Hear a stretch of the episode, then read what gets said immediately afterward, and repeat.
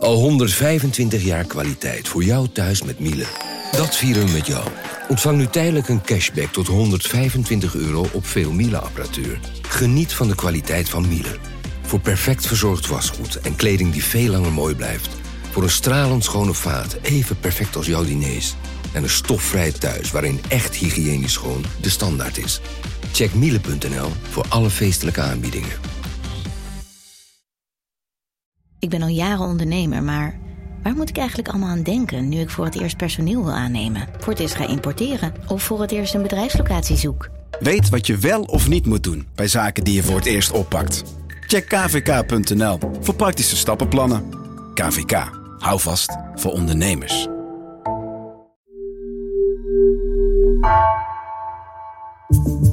Vanaf de redactie van NRC het verhaal van vandaag. Mijn naam is Thomas Ruip.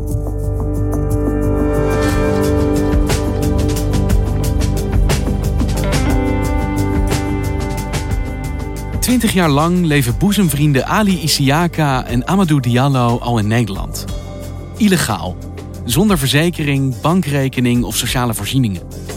Ze mochten hier niet blijven, maar ze konden ook niet terug, zag redacteur Shaila Kamerman. Maar toen kreeg Amadou dan eindelijk een telefoontje.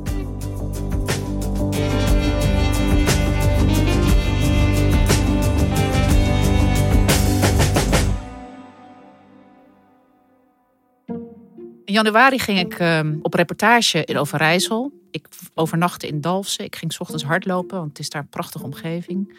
De telefoon gaat en het is Amadou.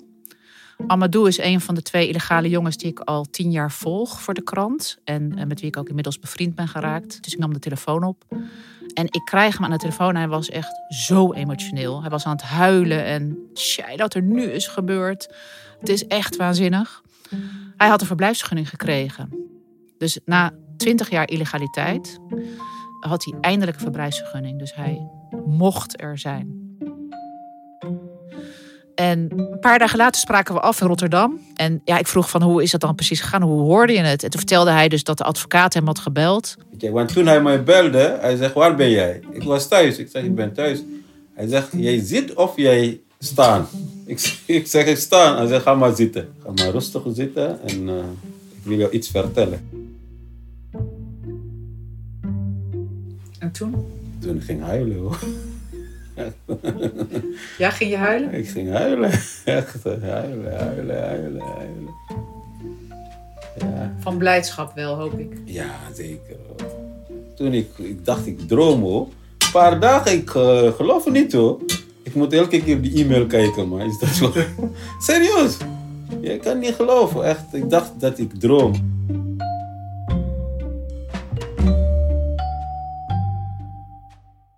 Het is zo'n verschil of je mag blijven of dat je illegaal bent. Je, bent. je hebt het gevoel dat je er mag zijn. Ja, dat, dat, dat mijn hart niet boem, boem. Hij zegt altijd, mijn hart gaat altijd bonk, bonk, bonk als ik een politieman zie. Hij is altijd een beetje schichtig op straat. Elke keer als ik langs bijvoorbeeld Amsterdam, als ik naar Amersfoort ga, naar Haarlem, daar is altijd politie in Amsterdam. Weet. Altijd mijn hart soms. En opeens valt dat weg. Maar nu, ja, nu niet meer hoor. En hij mag dus nu blijven. Dus daarmee is het doel waar hij naartoe geleefd heeft de afgelopen jaren vervuld. Hij is klaar wat dat betreft. Ja, hij was super blij. Uh, tegelijkertijd was er ook iets wat die blijdschap enorm temperde. En dat is dat zijn beste vriend Ali, met wie hij tegelijk in uh, Nederland arriveerde, 20 jaar geleden, nog geen verblijfsvergunning had. Dus ze waren al die tijd samen illegaal geweest, hadden enorm uh, veel steun aan elkaar gehad, trokken bij alles met elkaar op. Maar het was dus hem gelukt na al die tijd om een verblijfsvergunning te krijgen en Ali niet. Dus dat vond hij verschrikkelijk. Dus het was blijdschap en tegelijkertijd grote zorgen om zijn broer, want ze noemen elkaar broers. Als het die tijd is, is komt inshallah. Weet jij, wij weet, ik weet ook 100% inshallah die van mijn broer zal komen. Blijf bidden. Elke gebed, dat ga ik eerst doen voor hem. Echt, ik gun hem ook. Dus Amadou die hoopt dat het voor Ali ook uh, binnenkort gaat lukken om een verblijfsgunning te krijgen. Hey, Shaila, het is niet de eerste keer dat je hier in de podcast vertelt over Ali en Amadou. Nee, dat klopt. Ik volg hen voor de krant tien jaar. Tien jaar geleden ben ik uh, met hen meegeweest naar Brussel. Omdat ik een verhaal wilde maken over illegale, ja, in dit geval twee illegale jongens. En Ali komt uit Benin in Afrika en Amadou uit Guinea. Uh, zij zijn gevlucht, beide voor oorlog, toen zij veertien waren en kwamen op hun vijftiende in Nederland aan. En ze hebben toen asiel aangevraagd. Dus ze kwamen hier los van elkaar heen, maar wel op hetzelfde moment?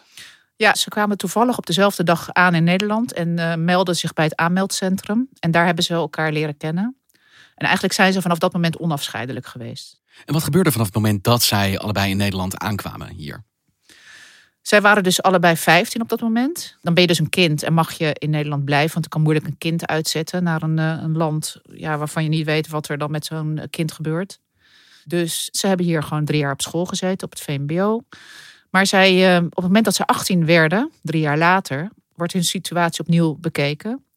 En dan krijg je een uitslag, namelijk of je mag blijven of niet. En in hun geval was het antwoord nee. Je moet terug naar het land van herkomst. Maar dat zijn ze niet gaan doen.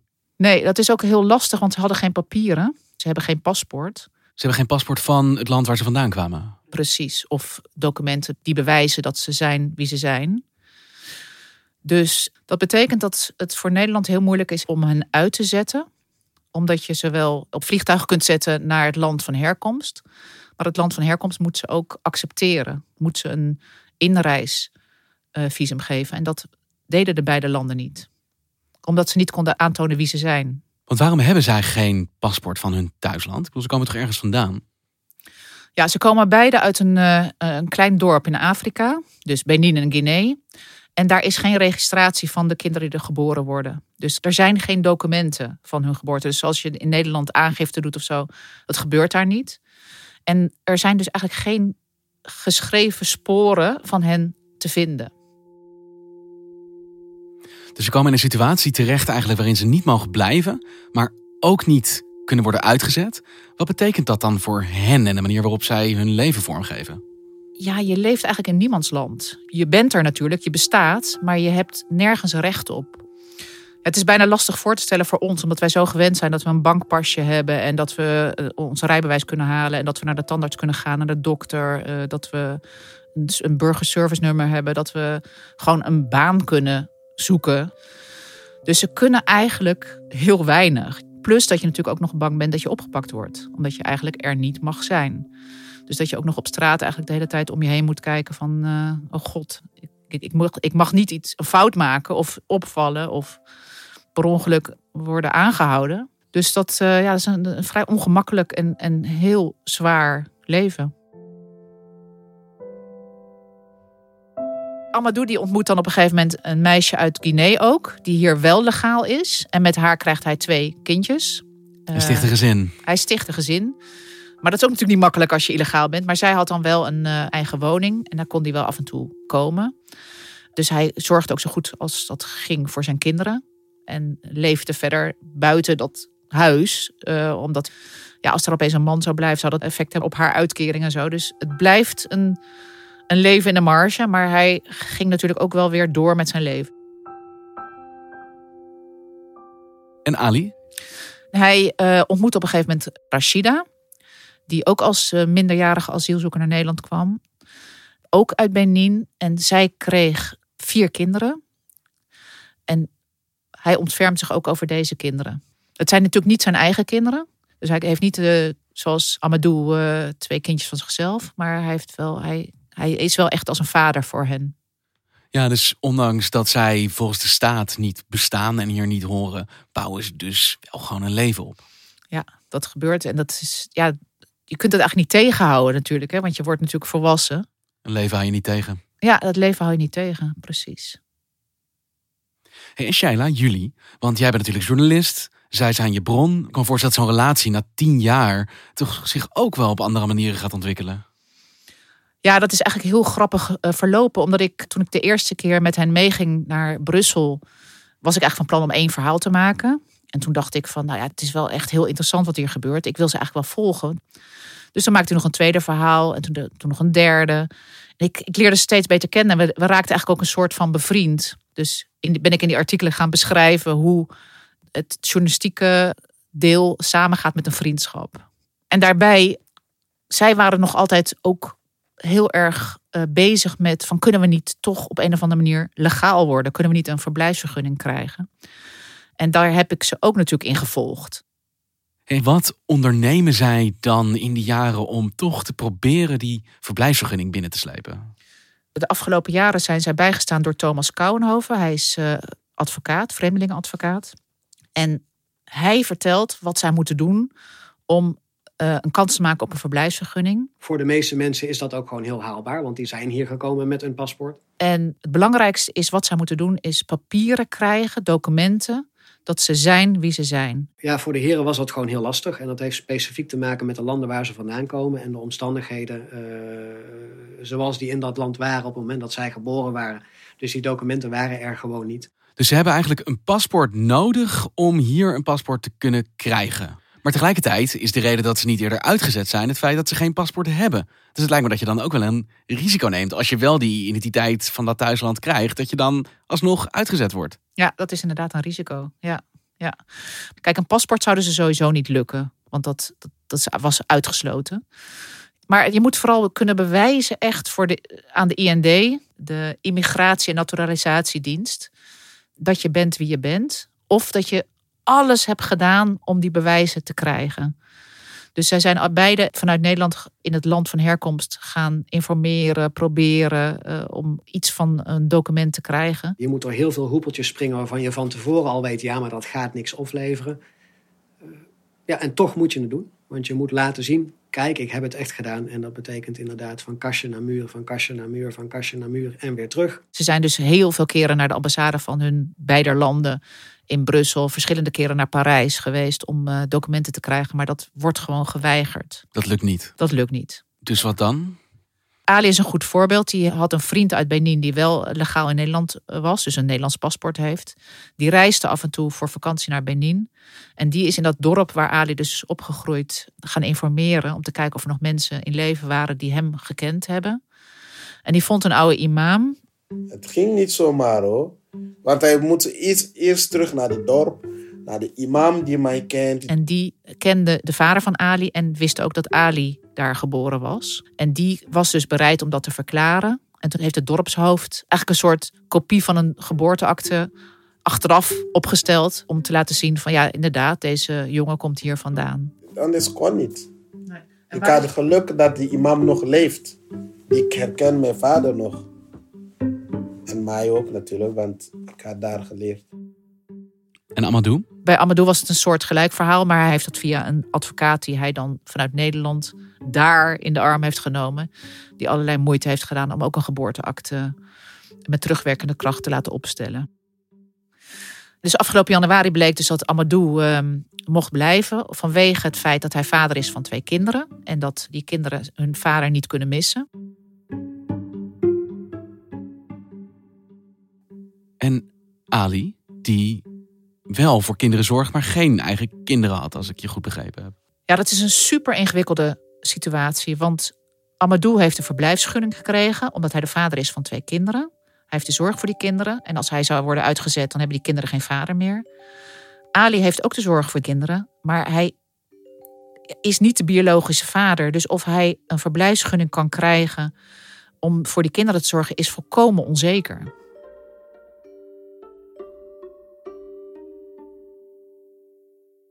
Ik begrijp dat immigratiezaken natuurlijk altijd gevoelig en altijd ingewikkeld zijn. Maar je hebt hier twee mannen met precies dezelfde achtergrond in eigenlijk identieke situaties. Waarvan de een dus te horen krijgt blijven en de ander uh, in onzekerheid blijft. Het doet bij mij de vraag oproepen of dit systeem wel werkt. Nou ja, het systeem is dus heel ingewikkeld. Kijk, als je hier komt omdat je vervolgd wordt of dat je oorlog hebt in het land van herkomst, mag je gewoon blijven. Kom je uit een land waar weinig aan de hand is in Nederlandse ogen, dan moet je terug. Dat is heel simpel. Maar je hebt natuurlijk gevallen die daartussen vallen. Eigenlijk zou je willen dat daar gewoon iemand eens even naar kijkt en denkt van, wat is nou eerlijk? Maar dat gebeurt niet, want dat, ja, de mensen die bij de IND werken, die leggen dat dan langs de regels en dan moeten die mensen toch weg. En dan heeft iedereen het gevoel van wat gebeurt hier eigenlijk? Dit is gewoon niet eerlijk. Want dat doet de IND niet. Die beslist zwart-wit via de regels en maakt geen uitzonderingen voor gevallen die ja, complicerende, schrijnende factoren hebben. Te weinig in ieder geval. Ik wil niet zeggen dat ze dat nooit doen. En dat laat ook zien dat ze dat kunnen. Als je dan bijvoorbeeld kijkt naar de twee Marokkaanse meisjes van begin twintig, die hier een hele schoolcarrière hebben doorlopen, die hier al 17 jaar wonen. En die opeens terug moesten volgens de regels. Tegen hen hebben ze ook gezegd: oké, jullie mogen blijven. Dus dat gebeurt, alleen veel te weinig. Net zie je dus ook met het geval van Ali en Amadou. Jarenlang uh, in, die, in die situatie zitten. En dat je zonder dat je weet van, uh, komt er een uitweg voor mij? Hey, en dit zijn dus twee mannen die elkaars boezemvrienden zijn, die elkaar broer noemen. En de een krijgt dus te horen dat hij mag blijven en de ander niet. Wat betekent dat voor hen? Ja, dat was dus een enorm lastige, lastige periode. Want Amadou had in januari gehoord dat hij mocht blijven.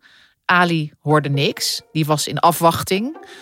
En ja, het idee dat hij dan niet een verblijfsvergunning zou krijgen, was eigenlijk onverdraaglijk voor beiden.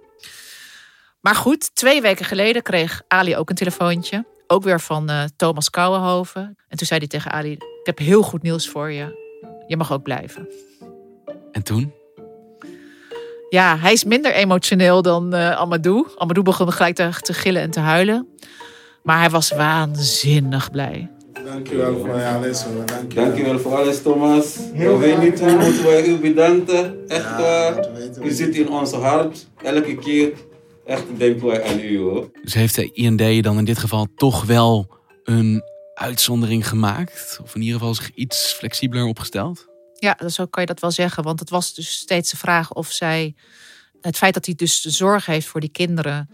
Maar terwijl dat niet zijn biologisch eigen kinderen zijn, toch zo zouden beoordelen dat hij daarvoor een verblijfsvergunning zou krijgen om voor de kinderen te kunnen zorgen. Dat laat zien dat af en toe de IND toch uh, met de hand over het hart kan strijken. Dus nu, hier komt een einde aan een periode van eigenlijk 20 jaar illegaliteit en onzekerheid voor hen. Ja, absoluut. Ja. Ik heb een toekomst, zei Ali. Ik kan gaan nadenken over de toekomst. Wat ik wil, uh, wat ik kan. Dus dat, uh, ja, dat geeft een enorm perspectief. En wat is die toekomst voor hen? Wat betekent dat nu feitelijk? Hun toekomst uh, begint nu eigenlijk. Ze zijn 35. Dus Ali zei ook van misschien als ik vanaf het begin had mogen blijven, was ik nu wel aan, had ik aan een universiteit les gegeven of zo. Mijn echt droom was studeren, universiteit. Mag net hoe hard ik ga werken. Ik wou die uh, universiteit halen. Mag net welke kant, welke branche ik of welke opleiding doe, dat ik maar zit op die banken van de universiteit. Dat was mijn droom. Weet je? Maar die is niet uh, uitgekomen. Maar hij is ook heel realistisch en hij zegt van uh, oké, okay, ik ga nu kijken wat voor opleidingen ik kan doen. Wil je, wil je nog zo lang verder leren totdat je gaat aan de slag? Of wil je toch proberen gewoon gelijk kijken of je kan een werk vinden? Weet je, dat soort ja. dingen ga je overwegingen maken en doen.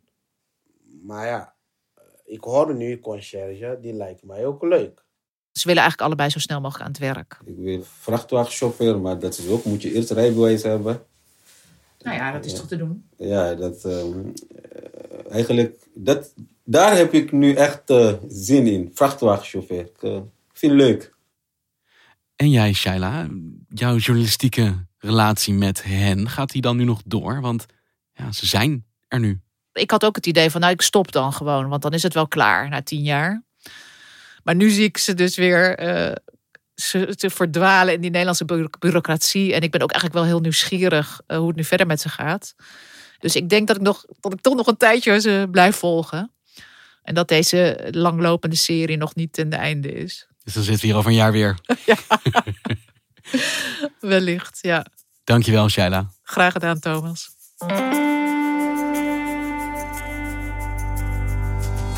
Je luisterde naar vandaag, een podcast van NRC. Eén verhaal, elke dag. Deze aflevering werd gemaakt door Allegria Ioannidis, Misha Melita, Henk Ruigrok van der Werven en Ruben Pest. Plaatsvervangend chef van de audioredactie is Ido Havinga. De muziek die je hoort is van Rufus van Baardwijk. Dit was vandaag, maandag weer.